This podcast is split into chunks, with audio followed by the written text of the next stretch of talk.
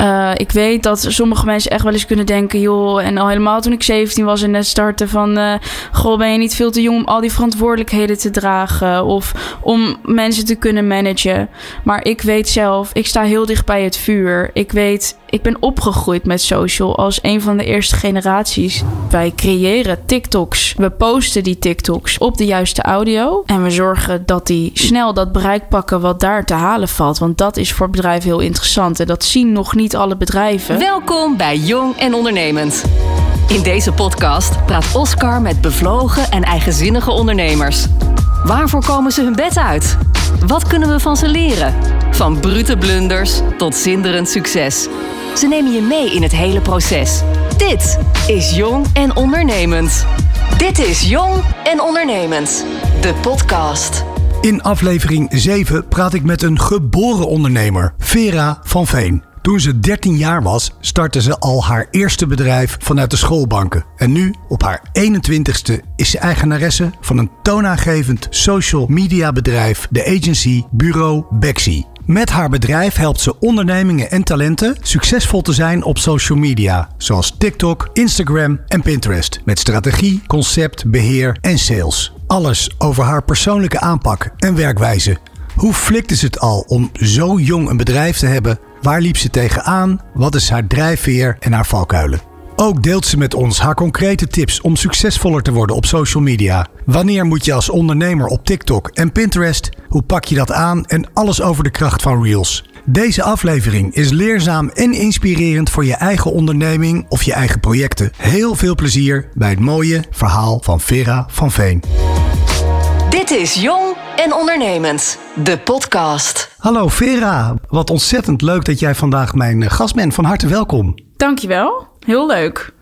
Ik wil graag met je praten eigenlijk om, om twee hoofdredenen. Uh, je hebt een snel groeiende online agency waarin je social media strategieën voor bedrijven bedenkt en uitvoert.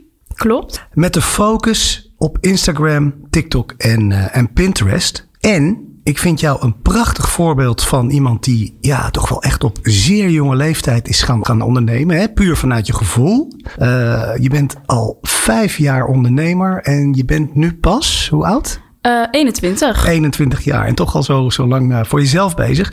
Nou, ik wil daar graag uh, alles over horen. Ik wil ook horen over de opbouw van je bedrijf. wat doe je nou precies voor wie? En hoe heb je het voor elkaar gekregen al zo succesvol te zijn op jouw leeftijd? En zoals altijd in deze podcast ben ik heel erg benieuwd welke gouden tips je voor ons hebt. Wat je wilt delen. Voor ons ook om te slagen op Instagram of TikTok of Pinterest. Dan pikken we er gewoon mm -hmm. uh, wat, uh, wat mooie quick wins uit. Yes. En ik hoop dat je ons alles wilt vertellen over jouw persoonlijke ervaring en reis tot nu toe uh, als ondernemer. Dus puur ter inspiratie. Leuk. Ja, hey, maar Vera, eerst even om je meteen uh, wat beter te leren kennen. Mm -hmm. Als jouw achternicht uit Zwolle op een gezellige kringverjaardag vraagt: Wat doe jij voor de kosmeet? Uh, wat zeg jij dan? Dan zeg ik dat uh, ik een multigedisciplineerde social agency run. En dat heeft altijd wel even wat uitleg nodig, maar dat is wel eigenlijk wat de lading dekt. Wat vind jij nou zelf je grootste talent? Waar ben jij nou gewoon goed in? Het mag gewoon onbescheiden. Um, mijn inlevingsvermogen, dat heeft mij uh, in dit bedrijf heel ver gebracht. Dus ja, ik kan me heel goed verplaatsen in anderen, in de wens van de klant, in de wens van de talenten. Um, en dat is denk ik wel mijn talent. Nou is er ook soms een tegenzijde. Hè? Dan wil ik ook van je weten, als je dat met ons wilt delen, wat is nou je minste talent? Waar ben je nou ja, gewoon minder goed in? Uh, ik kan niet zo goed dingen uit handen geven. Uh, voor het eerst. Dus wanneer het eenmaal uit handen is gegeven, dan vind ik het prima. Maar ik vind het ontzettend moeilijk om dingen los te laten. Zijn er nog vragen die, of onderwerpen waarvan je zegt, nou, Oscar, die moet je absoluut niet aan me stellen. Dat wil ik gewoon, daar wil ik gewoon niet over praten. Nee, je mag me alles vragen. Kijk, nou, dat vind ik een, een, een, een mooie basis. Ja. Op welk moment kwam je er eigenlijk achter dat dat ondernemende al zo vroeg bij je erin zat? Dat was op mijn dertiende. Um, ik zat toen net in de eerste klas uh, van de middelbare school. En uh, ik zat wiskunde te maken en ik probeerde het echt. Maar ik zat dat te maken en ik dacht, ja, ik, ik snap dit niet. Het lukt me niet. Ik heb hier heel veel tijd in zitten. Maar ik krijg hier niks voor terug, want ik ga hier niks mee doen, denk ik. Uh, ik uh, krijg er geen plezier uit en het betaalt ook niet. Nou, nu zat ik niet zo heel erg op het geld hoor, op mijn dertiende. Maar ik dacht wel, wat heb ik hier aan? Dus overigens het concept school. Uh, als je dertien bent, krijg je over het algemeen nog niet heel veel betaald, hè? Dat, nee, dat hadden ze je wel verteld? Dat was zeker verteld. Oké. Okay. Ja, um, nou, ik zat dat dus echt te doen en het zat zoveel uur bij mij in, omdat ik dat wiskunde vond verschrikkelijk. En uh, het lukte gewoon echt niet. En toen dacht ik, ja, deze tijd kan ik volgens mij zoveel meer in iets anders stoppen. Uh, dus ik wil werken. Ik uh, wil gewoon werken in al die tijd dat ik mijn huiswerk aan het doen ben. En dan probeer ik mijn huiswerk wel op school te doen. Dus ik ging overal eigenlijk solliciteren. maar ja, als je 13 bent, dan mag je eigenlijk überhaupt nog niet werken. Dus ik werd nergens aangenomen. Ja, en dat, toen dacht ik, ja, maar ik wil wel gewoon echt wat doen met de tijd. Dus, um, nou, ik heb een super grote hobby. Dat is taarten bakken. En mijn moeder die wordt er eigenlijk gek van dat ze alles op moet eten. dus, um, dus jij uh, als hobby bakte jij taarten? Ja, wel is. Gewoon wel best wel regelmatig. Ik denk uh, twee per week ging ik het uittesten en mocht mijn familie het proeven. En toen uh, dacht ik, joh ik vind dat zo leuk om te doen. Dat vind ik leuk om te doen. Dus daar steek ik graag mijn tijd in. Misschien moet ik dat dan gewoon verkopen. Om de tijd gunstig te maken en leuk te maken. En uh, toen dacht ik, nou, dan moet ik een webshop. Dus uh, eigenlijk diezelfde middag dat ik het bedacht, uh, ging ik kijken hoe bouw je een webshop. En diezelfde middag stond taartenvanvera.nl online. Ja, dat begon dus eigenlijk als een soort hobby. Maar mijn eerste bestelling bracht ik weg. En op het moment dat ik hem wegbracht, was er iemand in die ruimte die zei: Ja, ik heb er ook nog twee nodig. Kan je die voor vier uur vandaag leveren? En eigenlijk is dat jarenlang zo doorgegaan en was het um, best wel een succes. Uh, in, waar, ja, in Meppel, waar ik ben opgegroeid. Dus je begon eigenlijk al echt omzet te maken. En, ja. um, maar hoe, hoe combineerde je dat dan overigens met school? Ja, ik had toen best wel een, een, pittige tijd. Qua, als ik erop terugkijk, denk ik, ja, hoe heb ik dat eigenlijk gedaan? Ik was toen uh, uh, best wel op topsportniveau ook nog aan het sporten. Ik deed aan kunstschaatsen. Daarnaast uh, ook Ja, nog. daarnaast. Dus mijn leven zag er eigenlijk echt zo uit dat ik, ja, rond een uur vijf stond ik op. Dan maakte ik de bestellingen af die geplaatst waren. Die bracht ik dan nog samen met mijn vader weg. omdat ik natuurlijk nog geen rijbewijs had. Of leuk ook je vader erbij betrekken. Ja, heel leuk. Heel goed betaald kreeg hij ook, denk ik. Zeker, zeker. Ja. Heel veel. En um, ja, dan bracht ik die taarten weg. Uh, nou, en daarna ging ik mezelf klaarmaken voor school.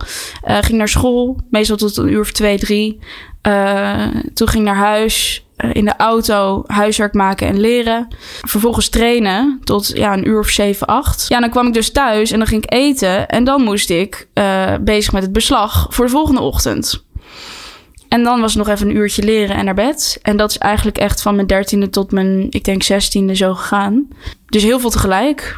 Op een gegeven moment ben je met je taartenbedrijf weer gestopt. Ja. Uh, wat ben je toen gaan doen? Ja, dat was eigenlijk in de tijd dat ik mijn uh, examens moest gaan halen. Uh, uiteindelijk mijn middelbare school afgemaakt. En me eigenlijk ging focussen op mijn nieuwe opleiding. Dat was mijn MBO-opleiding. Marketing, communicatie en evenementenorganisatie. dus ik ben toen doorgegaan en heb toen een bijbaan gehad. En tijdens die bijbaan merkte ik wel dat ik uh, best wel vaak al zei van... joh, moet je dit niet zo doen tegen de ondernemer. Wat voor een bijbaan was dat? Dat was in de horeca. Uh, hij organiseerde ook evenementen en was ook op marketinggebied actief. Uh, dus was eigenlijk een beetje van alles wat. Maar vooral in de horeca probeerde ik mijn inbreng te geven. Waarschijnlijk al vanaf dag één. ja, het werd ook niet altijd gewaardeerd hoor. Dat snap ik, ook zeker. ja. Maar goed, je deed dat toch? En ja. werd er, hoe gingen ze daarmee om? Nou, aan de ene kant werd het wel uh, goed opgevangen en uh, hebben ze me die kans ook wel zeker gegeven. Maar aan de andere kant werd mij wel duidelijk dat uh, ik zo mijn eigen kijk heb op bepaalde dingen. Um, dat ik dacht, ja, dat taartenbedrijf, dat was eigenlijk wel echt mijn, mijn eigen ding, waarbij ik dat echt allemaal wel zelf kon bepalen. en uiteindelijk moest ik een stage doen. En dat was bij een uitzendbureau. En uh, ik moet ook zeggen dat de stage echt niet leuk was. het was niet een goede periode in mijn leven, maar de stage zelf was ook niet heel inhoudelijk dat ik er veel van uh, heb geleerd. Maar zij riepen mij dus uh, twee maanden na mijn stage terug. En ze zeiden, ja, we hebben jou eventjes nodig. Kan je even langskomen? En uh, ze zeiden daarvan, uh, ja, we, we, hebben binnen ons uitzendbureau ook een tak met bijbanen... die we graag wat meer willen, onder de aandacht willen brengen onder jongeren. En we hebben tijdens jouw stage gezien dat je focus best wel lag de hele tijd op Instagram... en dat je dat zelf ook heel leuk kan op je eigen Instagram. Dus het ging echt over mijn persoonlijke Instagram. Ik deed dat voor de lol en het was helemaal niet dat ik influencer wilde worden of iets. Ik vond het gewoon heel leuk om daar mijn creativiteit een beetje op te posten. En uh, ze zeiden, ja, kun je daarvoor een plan schrijven voor ons, hoe we dat zouden moeten doen? Nou, dat was op een vrijdag. En op vrijdagavond ben ik dat heerlijk gaan zitten tikken. Vol plezier. Ik dacht, wat leuk dit. Wat leuk om te doen. En de volgende week mocht ik dat daar presenteren. En ik dacht, nou weet je, ik help hun gewoon. Ik heb niet zo, we hebben niet heel veel aan elkaar gehad. Misschien kan ik uh, nu nog uh, wat extra's doen, zeg maar. Um, en ze zeiden, nou, wat top. Rol maar uit. Is goed. Ga, ga dit maar doen. Uh, je krijgt uh, 10 euro per uur. En um, ja, zeg je, misschien moet je je bijbaan maar opzeggen. En toen dacht ik, zo, dit, dit is wel echt heel leuk. Dit kan ik inderdaad gewoon gaan doen. Dus diezelfde middag dacht ik, ja weet je, ik ga dit nu gewoon doen. Het is me eigenlijk in de schoot geworpen. Dit is een fantastische kans. Het past bij mijn opleiding. Ik vind het heel erg leuk. Dus naar de horecazaak gefietst, mijn bijbaan daar opgezegd. En eigenlijk meteen begonnen met moodboards maken. Lekker knippen, plakken, scheuren in tijdschriften. Voor dat eerste Instagram-traject wat ik mocht doen. Ze waren razend enthousiast over jou. En wat heb jij precies voor ze gedaan? Wat ik uiteindelijk precies voor ze heb gedaan, is uh, een kanaal starten die heel vrolijk was. En waar we dus heel erg onder de aandacht brachten wat voor soort bijbanen zij hadden. Maar wel op een uh, vernieuwende manier dan andere uitzendbureaus dat deden. Dat en dat was dus op de socials? Dat was op socials. Zij wilden echt op Instagram beginnen. Dus uh, ja, dat, dat had toen al mijn focus. Wat was je next step? Nou, ik moest daarna weer naar school en toen nog een stuk uh, stage lopen. Nog weer een andere stage, een eind, eindstage. Um, dus ik ging naar school en als bijbaan had ik dan dus mijn klanten.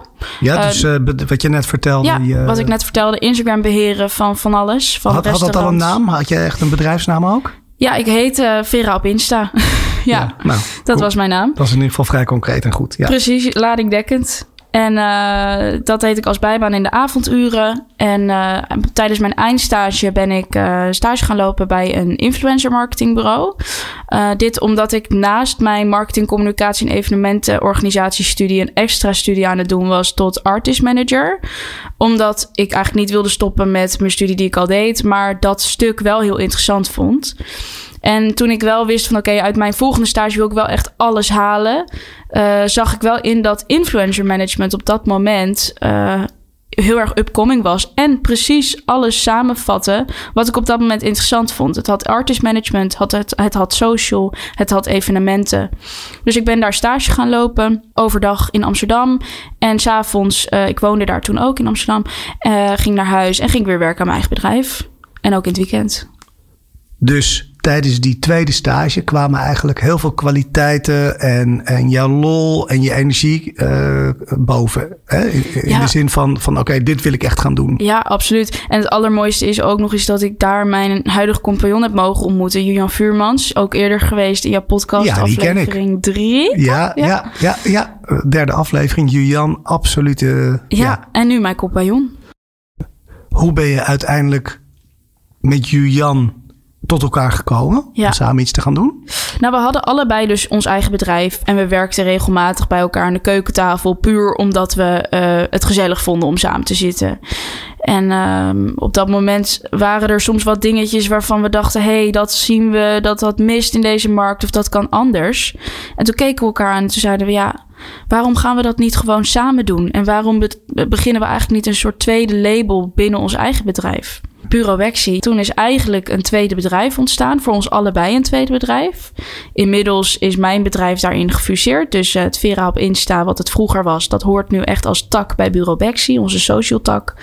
Um, maar vanaf toen, dat is twee jaar geleden, zijn we Bureau Bexie op gaan richten. Dit is Jong en Ondernemend, de podcast. Twee jaar geleden ongeveer begon jij met je, met je bedrijf, hè? Bureau Bexie. Ja. Wat doe jij nou precies? Met je bedrijf? Leg dat nog eens even uit aan mij. We hebben twee takken. We hebben Bexy voor Business. Dat is eigenlijk voorheen Vera op Insta. En dat is onze social tak, waarbij we ons op business to business richten. En daar richten we ons op strategieën voor bedrijven, concepten voor bedrijven, maar voornamelijk social media beheer voor bedrijven. Dus daar nemen we heel concreet uit handen het uitrollen van de strategie, bepaalde visuele shoots, copywriting, hashtags, uh, het aanspreken van een nieuwe doelgroep via community management. Eigenlijk het hele social stuk waar een bedrijf behoefte aan heeft. En we hebben een andere tak, Bexy for Talent. En daar richten we ons op uh, strategieën en sales voor talenten. Ja, en dat eerste gedeelte, dus die strategieën, ja. Dan klop ik als bedrijf bij je aan. Ja. En wat is dan vaak de hulpvraag? Vaak is de hulpvraag: uh, we doen heel veel op social en we posten zoveel, maar we, we, hebben er, we halen er niks uit of we hebben geen bereik en we hebben geen volgers. Zijn er dan uh, specifieke kanalen uh, waar je gespecialiseerd in bent? Ja, wij richten ons eigenlijk voornamelijk nog steeds heel erg op Instagram in general. Dus dat is eigenlijk vaak de overkoepeling. Daarnaast zijn we steeds meer actief ook op TikTok, omdat we zien dat het bereik daar zo ontzettend snel te behalen valt binnen bepaalde doelgroepen. En is Pinterest een hele interessante vaak voor bedrijven waar we ons ook op richten. En dan dat tweede, jullie tweede tak? Ja. Die talents? Packs for Talent. Vertel, hoe zit dat in elkaar? Wat doe je daarmee? Daarmee richten we ons op uh, eigenlijk vooral ook strategieën voor influencers slash talenten, digital talents. Uh, om samen een platform te bouwen vanuit waar je weer alles kan. Dus bepaalde samenwerkingen uh, opzetten, eigen, uh, eigen lijnen ontwikkelen, eigen masterclasses ontwikkelen. Dus voornamelijk strategie, maar ook een stuk projectmanagement en dus ook sales van de commerciële samenwerkingen die passen bij die influencers. En um, hoeveel mensen werken jullie nu in het bedrijf? Uh, we zitten nu met z'n zevenen op kantoor. En uh, om een klein beetje een idee te geven, hoe zit de structuur in elkaar? Als je met zeven mensen al zit? Ja, uh, en ik die doen eigenlijk de sales, de strategieën, de concepten. Uh, we hebben een campaign manager die eigenlijk binnen de talent tak dus verantwoordelijk is voor alle lopende campagnes met de influencers.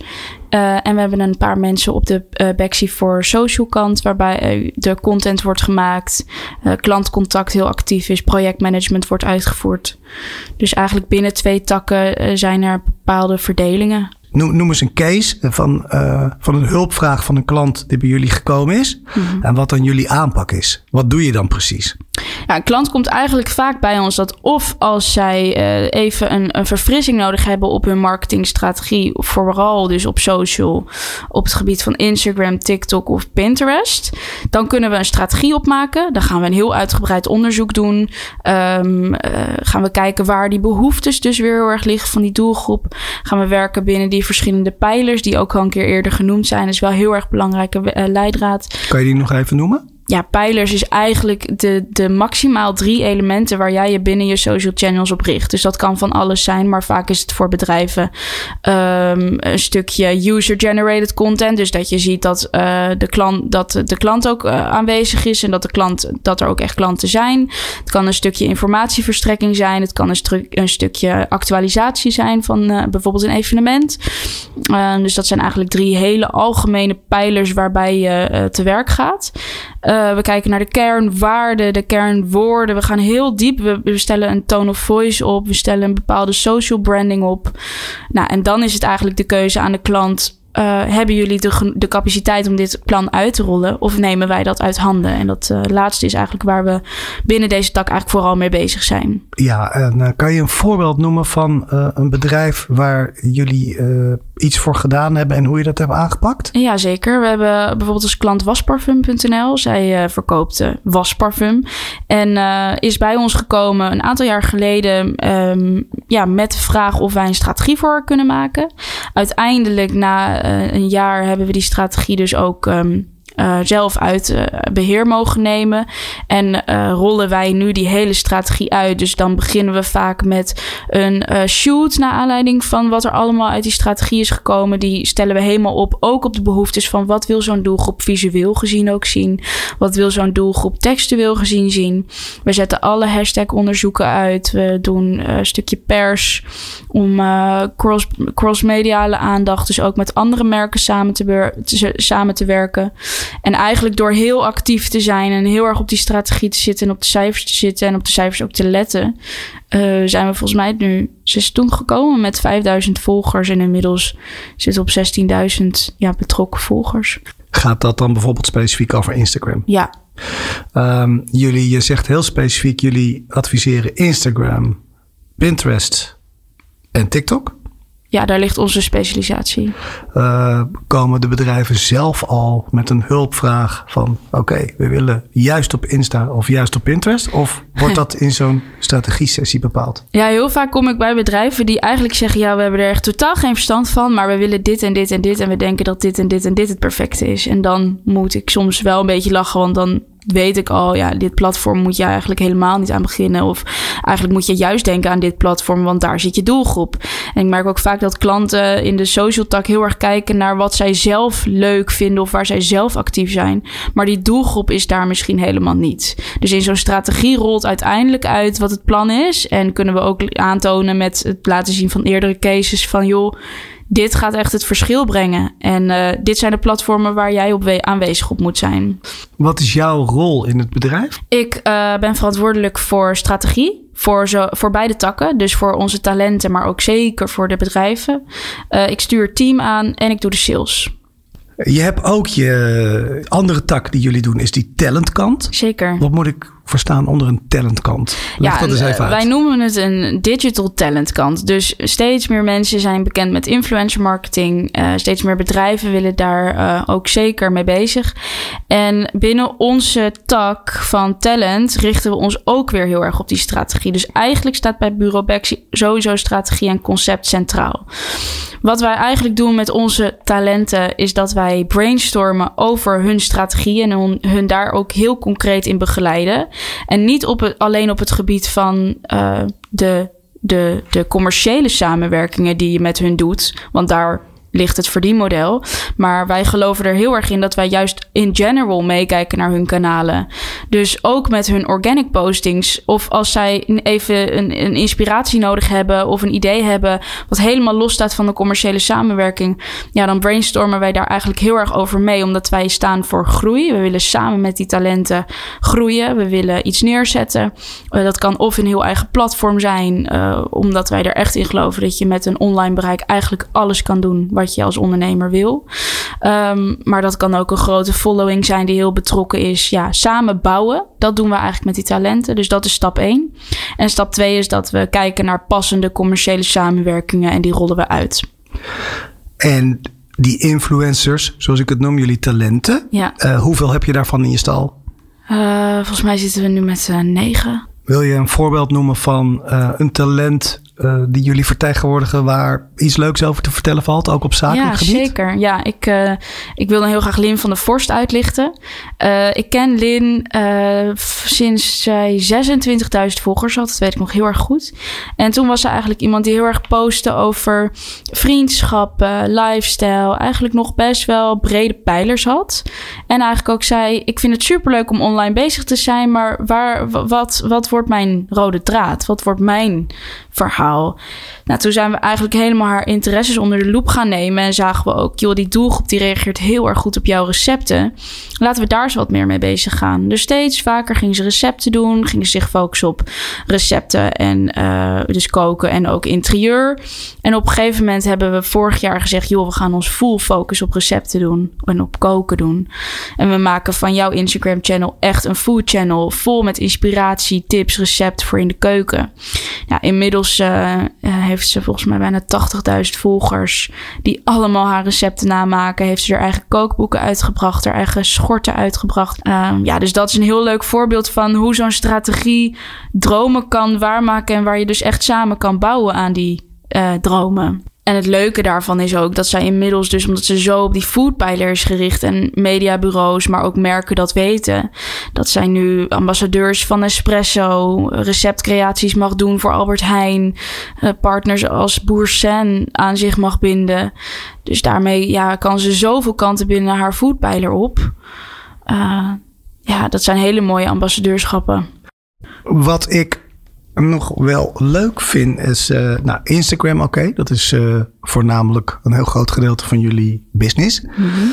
Je noemt ook heel specifiek Pinterest. Daar wil ik iets meer over weten, omdat ik dat nooit heel erg hoor of zo bij agencies of bij, ja. Nee, klopt. Kun, kan je er iets over vertellen waarom dat interessant ja. zou kunnen zijn? Ja, het is een hele interessante tak voor een, bepaalde, een aantal bepaalde niches. Dus bijvoorbeeld wanneer je je richt op, uh, je hebt een bedrijf in interieur of je hebt een bedrijf in koken of uh, kleding of ja, eigenlijk best wel breed. Er zijn heel veel vrouwen die hun inspiratie opdoen op Pinterest. Uh, maar Pinterest wordt heel snel ook conversie geladen. Dat is de essentie van Pinterest is puur beeld. Beeld, ja. Foto's. Inspiratie, borden maken. Eigenlijk een online moodboard. Ja. Online moodboard. Ik heb het even opgezocht. Maar 4 miljoen gebruikers. Ja, zeker. En uh, hoe zetten jullie dat dan uh, bijvoorbeeld in voor je uh, opdrachtgevers? nou, het is eigenlijk zo. Het mooie daarvan ook echt is, is dat als je een post uploadt. Uh, op een platform als Instagram of TikTok is hij een bepaald aantal uur houdbaar. En dan zal je zien dat je er daarna niet meer heel veel uithaalt. Dat is op Pinterest gemiddeld drie, vier maanden blijft je post bovenaan staan als je werkt met de juiste zoekwoorden of hashtags. Um, dus eigenlijk moet je ze zo uploaden dat je een goede, goed onderzoek hebt gedaan naar welke woorden je in een caption moet vermelden. En dan kun je gewoon vier maanden lang iets hebben aan je post. Dan kan je ook alles in één batch uploaden. En krijg je vier maanden lang conversie via die postings. Maar wel net weer met de juiste strategie. Dit is Jong en Ondernemend. De podcast. En dan wil ik het ook graag uh, dus hebben over, over TikTok. Uh, verleden jaar veruit het snelst groeiende social medium. Er zitten nu uh, 3 miljoen gebruikers. Ja. Maar het is veruit het snelst groeiend. Zeker. TikTok is rule the world hè, de komende jaren. Ja. wat doen jullie daarmee? Want dat is weer heel wat anders dan jullie expertise op Instagram. Ja, nou ja, wij richten ons eigenlijk steeds meer ook op beheertrajecten op TikTok voor bedrijven. Um, dus wij creëren TikToks. We posten die TikToks met de juiste hashtags op de juiste audio. Um, en we zorgen dat die snel dat bereik pakken wat daar te halen valt. Want dat is voor bedrijven heel interessant. En dat zien nog niet alle bedrijven. Maar het is eigenlijk zo dat op iedere audio kun je zo erg je eigen concept maken. Dat ook bedrijven, als ze iets meer sec kijken naar zo'n audio. Uh, ook kunnen profiteren van zo'n audio en die hashtags die daar zijn. En als iemand dan uh, bij jullie komt en die zegt, nou, ik zou eigenlijk ook wel wat met TikTok willen. Ja. Hoe ga je dan te werk? Um, dan uh, ligt er een beetje aan of het een product of dienst is. Ik heb wel een grappig voorbeeld. Dat is een bouwschool in Drenthe. Die wilde ook wel wat met TikTok. Zij dachten leuk voor erbij. Een bouwschool? Een bouwschool. Dus zij leiden timmermannen, tegelzetters en eigenlijk van alles op. Um, dus wij maakten TikToks op bepaalde audio's die grappig waren, maar ook wel een beetje informatieverstrekkend waren. Ja, en uh, zij zijn een, uh, een school, dus voornamelijk gevestigd in Drenthe. Maar um, hebben toen in totaal, ja, wij zijn viral gegaan en we hebben toen 400.000 views gehad op een paar video's. Waarbij ze ook zeiden, ja, dat is wel iets meer dan alleen Drenthe, wat we nu bereiken. Um, dat ja, was niet de afspraak. Je hebt uh, tien keer zoveel bereikt. Ja, precies. Um, dus eigenlijk wat we doen is dat we dat helemaal uit handen nemen. Wij maken een lijst van alles, alle audio's die er op dat moment zijn. Het is wel heel actualiteitgevoelig. Dus het ligt wel heel erg op dat moment. Welke audio's zijn er nu trending? Dan moet je daar snel op inspelen. Uh, dan gaan we dat filmen. Uh, gaan we dat posten. Ja, en omdat we zoveel groei zien op dit moment in TikTok... Um, hebben we... En, en ook zien hoe snel dat bereik daar te genereren is... en de hulpvraag voor bedrijven daar echt wel groot is. En het voor bedrijven juist zo interessant is om daarop in te spelen... gaan we binnenkort... Um, een TikTok-tak introduceren binnen Bureau Bexie. Een TikTok-tak? Een TikTok-tak. Klinkt in ieder geval goed. Voor TikTok. Uh, waarbij we ons eigenlijk vooral dus richten op die concepten uh, voor TikTok voor bedrijven. Hoe kun je erop inspelen? Hoe ga je dat bereik genereren? Hoe werkt het voor een bedrijf? Maar ook het stukje creatie wat we dan uit handen nemen.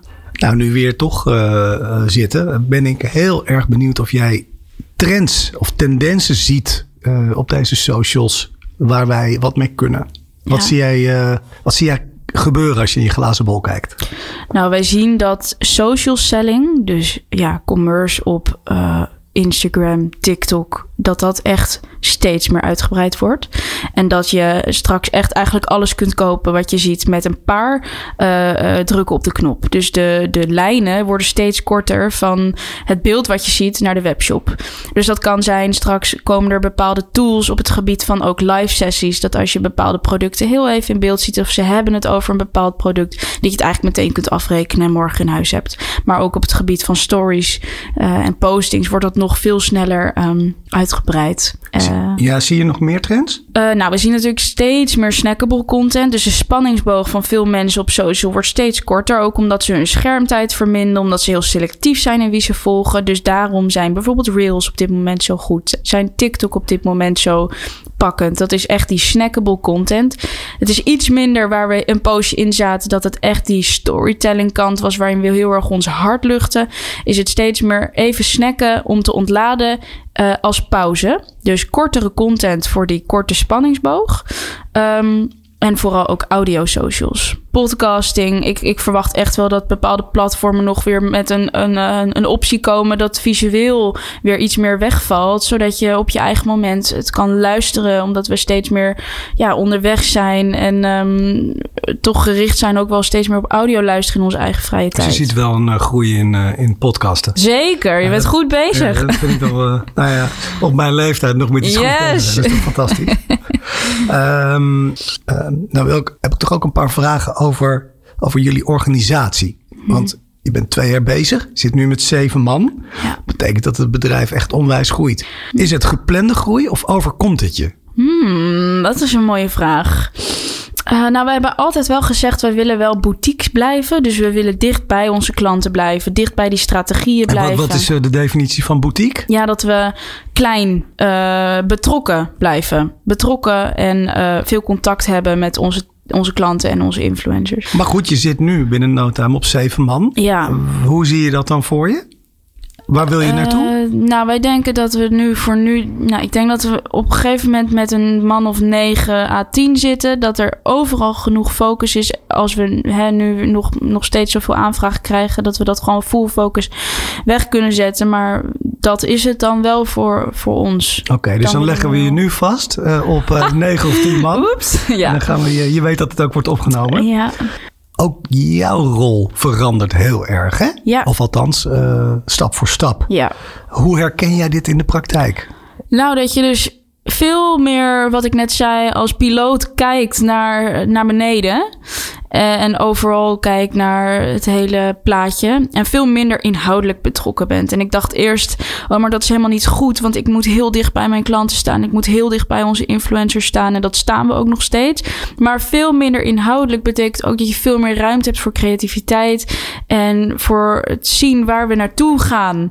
En ik zie eigenlijk dat, dat die rol wel steeds beter is om dat aan te nemen. Terwijl ik dat dus wel echt eerst heel moeilijk vond om dat los te laten. Ja, want naarmate je bedrijf groeit, uh, en dat zie ik ook wel uh, vanuit mijn eigen ervaring, uh, is het steeds minder, eigenlijk simpel gezegd, werken in je bedrijf. Ja. En veel meer aan, aan je, je bedrijf. bedrijf. Maar ja. hoe moeilijk is dat? Ja, heel. Ja, soms dan heb ik ook wel zo'n momentje, dan zie ik die meiden alle postings voor de bedrijven klaarzetten of gezellig een draaidag hebben voor TikTok voor die. En dan denk ik ook, oh, wat was dat toch leuk. Maar ja, ik weet gewoon dat het veel beter is om te doen wat ik op dit moment doe en op die manier ook aan te sturen. Dit is Jong en Ondernemend. De podcast.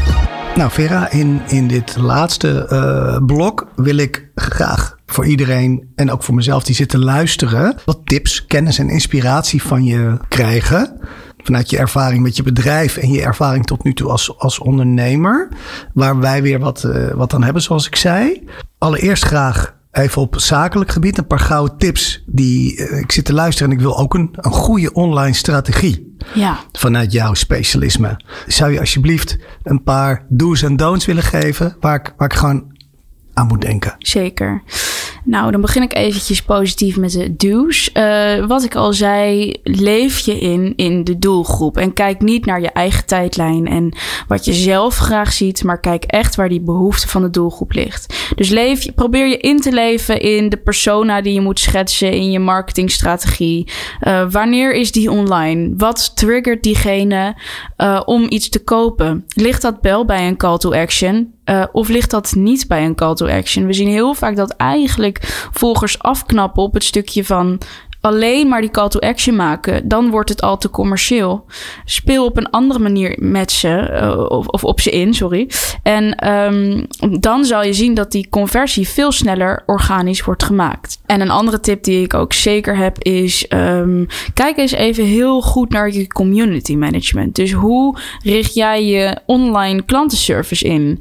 Uh, sta jij iedereen die een reactie geeft ook weer terug te woord? Begin jij ook een gesprek? Weet je, het is social media. Gebruik het ook voor je bedrijf als een begin om met een klant in contact te komen.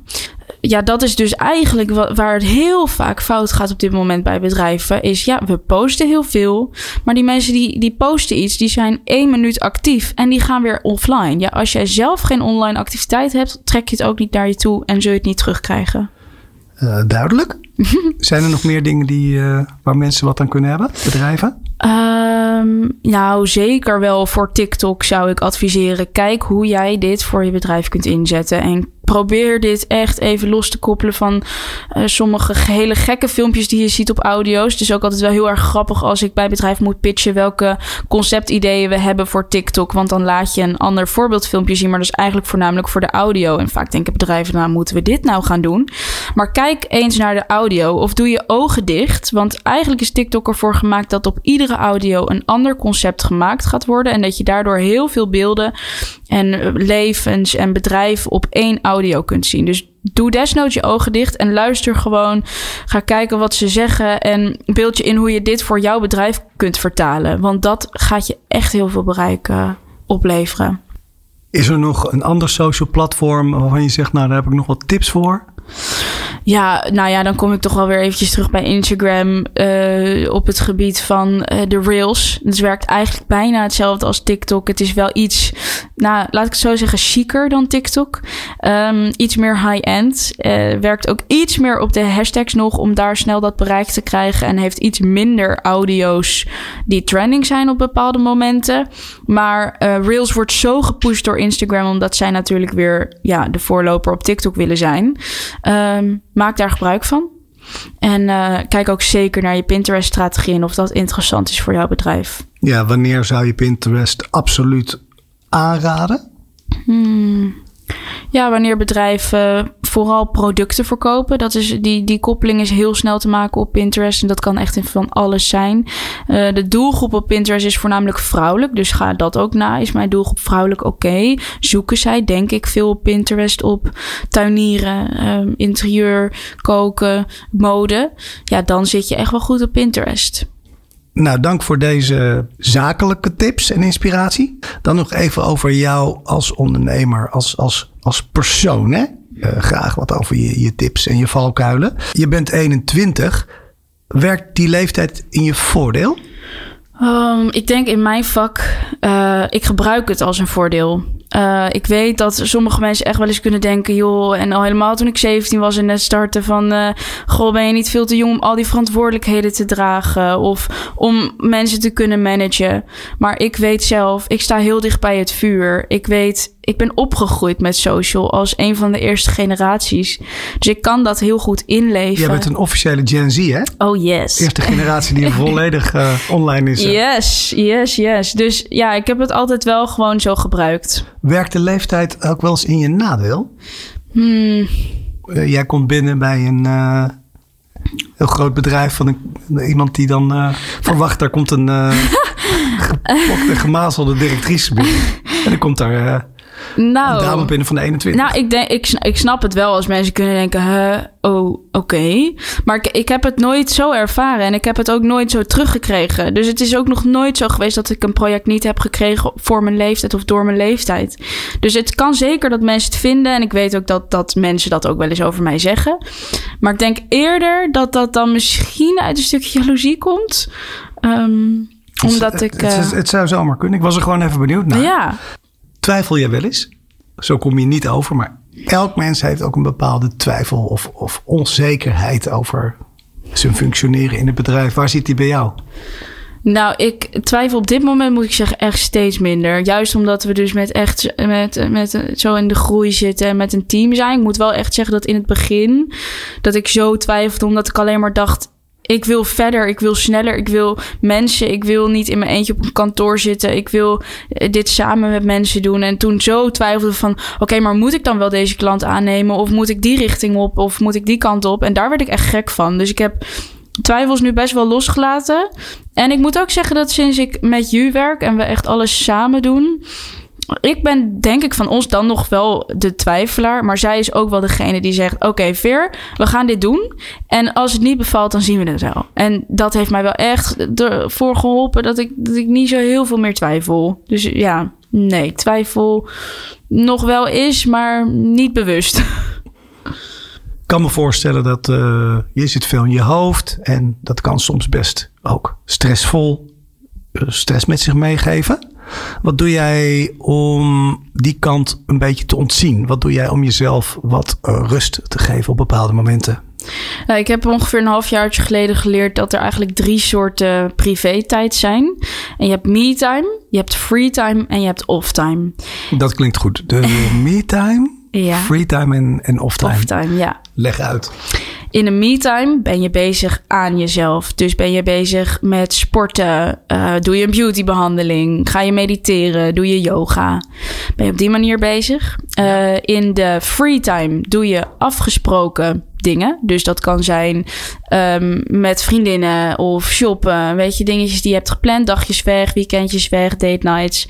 Dat soort dingetjes. En in de off-time ben je eigenlijk bezig met... eh, nou, die dagen heb ik niet zo heel vaak. Maar dat je denkt, goh, wat zal ik vandaag eens gaan doen? Dus dat je helemaal niks gepland hebt en dat je dan kan beslissen... ga ik voor me-time of ga ik voor free-time? En eh, dit klinkt in theorie natuurlijk werkelijk allesomvattend Ja. eh, en heel positief. Werkt het bij jou ook echt? eh, ben je ook echt op, op dat moment zet je in je agenda, oké, off-time, free time, Ja, Me-time. eigenlijk wel. oké. Ja, nou, ik zet er dan meer sporten neer of een dag niks. Maar dan weet ik wel, oké, dat is de me-time, dat is de free-time, dat is de off-time. Ehm, even een, een, een beetje zeg maar een keerzijde vraag. Je hoort steeds vaker eh, ook over de keerzijdes van, van het social. Van Ja. het altijd maar online zijn. Hè? Noem ik bijvoorbeeld het perfecte plaatje naar de buitenwereld. Eh, Ja. Het vergelijken, de, de, de, de fear of missing out, hè, de FOMO. Ja. Eh, je ziet altijd wel iemand die mooier is. Of die rijker is. Of die eh, een hele luxe vakantie heeft. Wat schijnt toch wel veel stress en ook ongeluk te geven. Mhm. Ik ben heel benieuwd, hoe, hoe, hoe kijk jij daarnaar? Nou, ik snap heel erg dat dat imago er is. En dat bepaalde mensen ook zeker zo kijken sowieso naar influencers. Maar kun je je er iets bij voorstellen dat er ook meiden zijn eh, die, die prachtige influencers volgen? Ja. Eh, Ja, snap ik. Ik heb zelf ook, tuurlijk. Ja, je denkt wel van, eh, goh, dat wil ik ook wel of dat wil ik ook wel. Maar daarom is het ook zo belangrijk dat die meiden ook laten zien wat er minder gaat. En eh, dat zij ook hun struggles hebben. En dat gebeurt steeds meer. En dat vind ik een hele mooie ontwikkeling nu op social. ehm, is ondernemen, hoor je wel eens van, nou dat is echt de ultieme vrijheid. Oh, Oh, je begint te zuchten. ja, dat vind ik echt dat? het grootste cliché. Wat ik tot nu toe heb ervaren. Ja. hè. Dus ik denk dat het voor sommige ondernemers misschien is... joh, ik zet een bedrijf op, ik zet er mensen op... en ik eh, ben eh, lekker eh, op vakantie. Maar ik, ehm, ik vind dat echt alles behalve. Ik denk dat je meer vrijheid zou hebben... Dat als je loondienst bent... en je precies eh, van 9 tot 5 werkt. Want wat ik zeg, je staat gewoon altijd aan. Het is je kind, het is je wereld. eh, je, je bent daar altijd mee bezig. Dus vrijheid. Eigenlijk vanaf het begin dat je begint, vanaf je start, ben je niet meer vrij. Nee. Loop je wel eens tegen vooroordelen aan? eh, Die Ja. je nog met ons wil delen? Nou, inderdaad toch echt mijn leeftijd. Dat is wel echt het grootste vooroordeel over mij. Maar ik uh, probeer dat dus altijd wel om te buigen naar iets positiefs. En ik heb het zelf ook nooit zo ervaren. Dus ja, vooroordeel. Je bent nou eenmaal. Ja, ja, maar dat dus... ik het daarom bijvoorbeeld niet zou kunnen, ja. zeg maar. Dat is dan het vooroordeel. En ja, dit is ook een heel groot vooroordeel. En ik vind het altijd heel grappig. Maar ik woon dus niet... Ik werk in media. En ik heb een bedrijf in de media, maar ik woon niet in Amsterdam. Nou, dat is voor zoveel mensen wat? een shock. Ja, woon je niet in wat? Amsterdam? En dat vertel je nee. nu pas? Ja, dat vertel ik nu pas. Nee, ik woon uh, in Zwolle. In de buurt van Zwolle. En um, ja, dat vinden mensen echt de grootste shock. en dat is ook waarom heel veel mensen zeggen... oh, oh, maar ja, nou, dat is gewoon wel echt binnen mijn markt een groot vooroordeel. Ik had laatst ook een call met een klant... en we waren nog in een soort voorbespreking... en we zeiden, goh, waar wonen jullie? Ja. En de meiden zeiden ook, ja, gewoon in Amsterdam. En toen zei ik, ja, ja, gewoon in Amsterdam, ja. Ik woon gewoon in Zwolle en ik werk ook in de media. ja. De reistijd is hetzelfde, dus uh, waarom niet? Werd gelijk de verbinding verbroken of uh? nee, maar de ogen werden wat groter. Waar komt dat vandaan? Ja, dat je dan dus vooral tijd kwijt bent aan reizen. En dat je misschien minder hip bent of zo. Ik denk dat dat het wel echt kan zijn.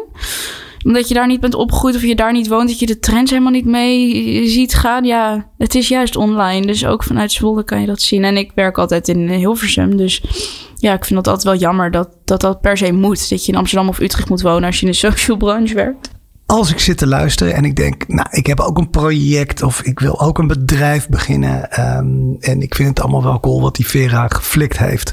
Welke tips kan je die mensen geven? Nou, uit mijn eigen ervaring weet ik echt. Uh, en ik krijg de vraag ook wel eens hoor van... joh, Veer, ik wil ook gaan ondernemen.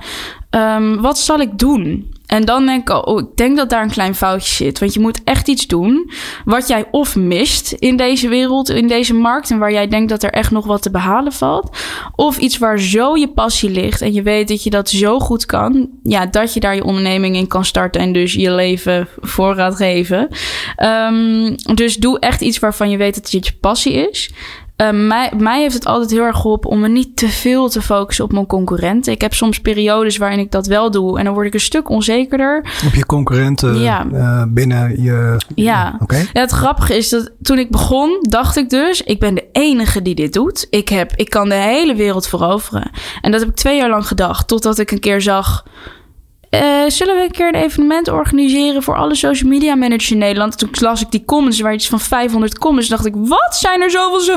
En toen werd ik helemaal in paniek. Ik dacht, uh, uh, oké, ik ben niet de enige. Hoe kan ik hier, hier tegenop?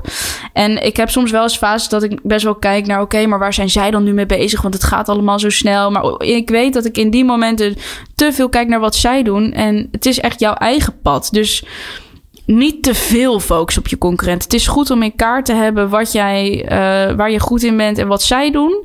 Maar doe, doe hun niet na of uh, kijk niet alleen maar naar wat zij doen. Heb je nog een tip? Um, ga ondernemen is ook vooral voelen. Dus ga echt van je gevoel af. En ik heb ook wel eens gewoon cursussen gehad waarin ze zeiden: joh, zet je doelen voor vijf jaar op papier of schrijf een heel ondernemersplan. Ja, ik deed dat niet, want ik dacht Ik weet niet waar ik ben over vijf jaar, want we weten nog niet waar de markt is over vijf jaar. En ik weet helemaal niet wat ik leuk heb gevonden over vijf jaar. Dus uh, probeer gewoon het te doen en dan te voelen of je op de goede weg zit en uh, of je goed bezig bent en of dit, of dit wat voor jou is. In plaats van helemaal uitstippelen waar je over tien jaar bent en uh, voor hoeveel je dan je bedrijf gaat verkopen. Misschien ja, dat, dat, dat, ik denk dat dat helemaal niet goed is. Nee, dat is ook wat ik nu um, vaak terugkrijg als feedback van mensen die naar deze podcast luisteren. Hm. Dat ze het eigenlijk. Uh, je, hebt, je hebt een aantal mensen, die, heel veel mensen willen iets anders. Ja. Of ze willen uh, een bedrijf of uh, in het buitenland gaan wonen. Maar die stap zetten om daadwerkelijk te doen is ja. heel eng. Ja, en dat, dat is ook vaak ik. logisch hoor. Ja. Je hebt uh, je huur, je hebt je hypotheek, allerlei redenen. Waardoor je dingen niet doet. En wat ik wel een beetje kan zeggen is met ondernemers zoals jij, die ik ook al gesproken heb in de vorige podcast, dat ze vaak een stap hebben gezet. Ja. En dat hoeft niet meteen de meest ultieme zijn, nee. te zijn. En daar vandaan komen weer nieuwe, nieuwe dingen Precies, voort. Ja. Het is bijna altijd wat je van ondernemers hoort. Ja. Dat ze, ja, toen jij begon, was je ook niet, eh, wist je ook niet dat je hier nu zou zitten in Hilversum na al die jaren. Nee. Maar het komt wel voort uit de dingen die je hiervoor gedaan hebt. Precies, ja. Je weet niet hoe het loopt, dus ga daarvan op aan. Oké, Ja. dus een tip is gewoon eh, Volg je gevoel. volg je gevoel. Ik kan er bijna een lied van maken. nou Vera, ik ben oprecht onder de indruk van, van jou als, als, eh, als ondernemer en de vanzelfsprekendheid en onbevangenheid waarmee je bezig bent. En dat al op deze leeftijd. En dat ben ik niet zo vaak nog, nog tegengekomen. Dus dat vind ik heel leuk. Heb jij trouwens alles kunnen eh, zeggen en je hele ei kwijt die je kwijt wil in deze podcast? Zeker, ja. Ja. Ja. Ja, ben ik geen dingen vergeten? Nee, volgens mij niet. Vond je het leuk? Heel. Ja, ik vond het superleuk. Leuk om eens wat meer inhoudelijk te praten eigenlijk over je visie en je bedrijf. Je bent er eigenlijk wel altijd mee bezig, maar niet zo in, in zo'n gesprek. Ja, heel leuk. Ik stel voor dat we over een paar jaar gewoon weer eh, gaan zitten om te Oh, kijken hoe, je, hoe het dan met je gaat. En eh, ja, ik wil je ontzettend eh, bedanken. Ja, ik jou ook. Heel erg bedankt. Bedankt voor het luisteren naar Jong en Ondernemend. Graag tot de volgende aflevering.